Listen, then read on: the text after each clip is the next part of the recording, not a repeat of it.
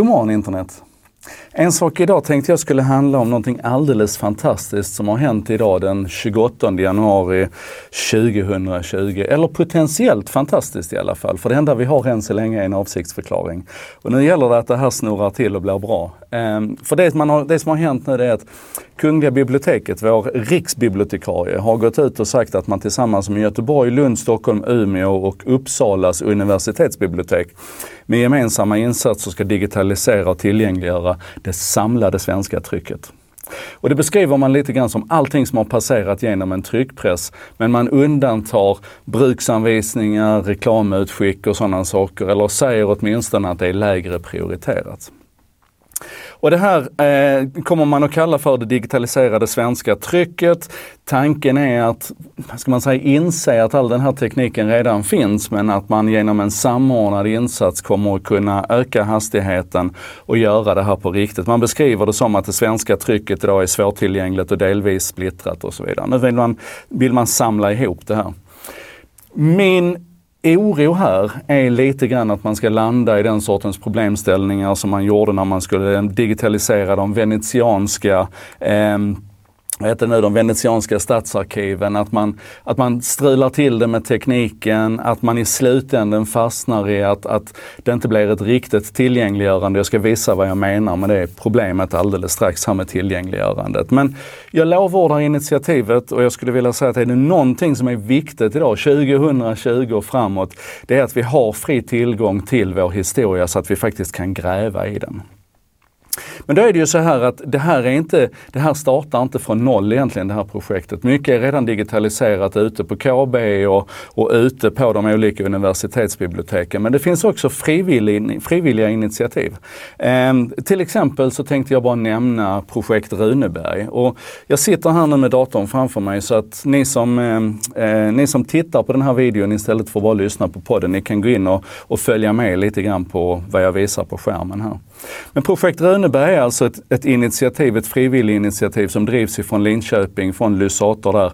Eh, studentföreningen framförallt och till och från har man fått lite pengar från Internetstiftelsen, man har haft lite stöd från Linköpings universitet i omgångar. Men i huvudsak är det ett frivilligprojekt som handlar om att ta det material, det svenska material där det är utsläckt upphovsrätt och så katalogiserar man det. Man, man skannar in det, man OCR-tolkar det, man låter frivilliga gå igenom den här OCR-tolkningen och bygger alltså upp då en enorm katalog redan idag. Man kan, om ni går till eh, runeberg.org och klickar på kataloglänken där och scrollar så kommer ni att se att det är otroligt vad mycket material det finns här redan.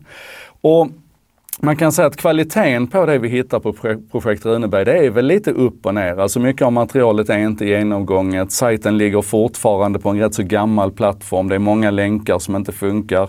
Söket är sådär så att om jag till exempel söker på Helsingborg här så är det, är det Googles site search som kickar in och i ärlighetens namn så funkar det väl sådär. Men det är ändå ett fantastiskt initiativ ur ett, ur ett frivilligt perspektiv och jag skulle verkligen önska att det som KB gör nu jackar in i det här och att universitetsbiblioteken nu, tyvärr är ju då inte Linköping inblandat i detta vad det verkar, men att de jackar in i det som redan finns i projekt Runeberg. Är du sugen på att engagera dig, runeberg.org för att titta bara. Och vill du gå in och vara med och jobba så har de en Facebook-sida också. Den ligger på facebook.com projekt Runeberg. Gå in och kika på det. Men jag sa också att det här är inte första gången som, som eh, Kungliga biblioteket engagerar sig i detta. Utan man har till exempel redan tidigare skannat in och, och samlat ihop inte alla, men väldigt många av de svenska dagstidningarna. Så jag kan gå in här och söka på, på Jardenberg. Då går jag till tidningar.kb.se och så gör jag en sökning där. Och då hittar jag material hela vägen tillbaka till 1942. Jag kan, jag kan se vilka tidningar det är skrivet om Jardenberg. Jag kan se ett litet, litet utdrag. Men här har vi då liksom problemet att det här är inte tillgängliggjort på riktigt eftersom det inte är utsläckt upphovsrätt på detta materialet. Utan om jag klickar i den rutan som heter Visa endast fritt material så går vi från 688 träffar ner till noll träffar. Jag kan alltså inte komma åt det som egentligen är grunden här utan då får jag tomta iväg till Kungliga biblioteket i Stockholm till läsesalen och hämta materialet där. Och det är inte okej okay, hörni. Det är inte att tillgängliggöra vårt, vårt historiska arv på riktigt utan här måste vi, och då menar jag även den traditionella mediebranschen, kliva in och säga att det här är någonting som som vi måste hjälpas åt med. För att i ärlighetens namn, de där 688 historiska artiklarna som, som finns, som innehåller Jardenberg, det är alltifrån min farfar till min pappa till, till mig då. De har inget ekonomiskt värde, men däremot så har de ju ett oerhört samhällsvärde. Så liksom tillgängliggör det här och låt oss kika på det.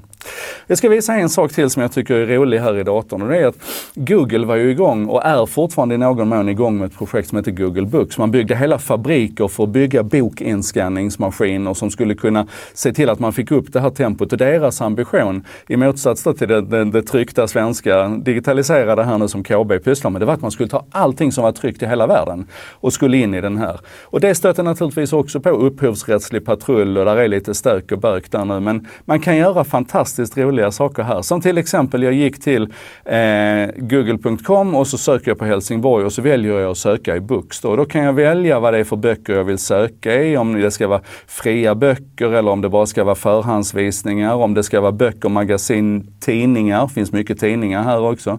Jag kan välja exakt vilken tidsperiod jag vill söka inom, om det är hela, hela arkivet eller om jag som i det här fallet nu som jag tänker köra här börjar på 1800-talet, begränsar mig till 1800-talet och jag kan sortera på lite olika sätt. Och när jag gör den sökningen på Helsingborg, böcker koncentrerat till 1800-talet, så hittar jag till exempel en fantastisk bok som heter A Handbook for Travelers in Denmark, Norway, Sweden och Russia. Volym 1. Och jag kan läsa om den här boken då att den, att den kom ut eh, 1839. Och eftersom jag sökte på Helsingborg så kan jag då hitta rakt in i boken där, där Helsingborg finns angivet. Man har alltså gjort en OCR på den här också. Dock är den helt automatisk så det är ganska många fel i den.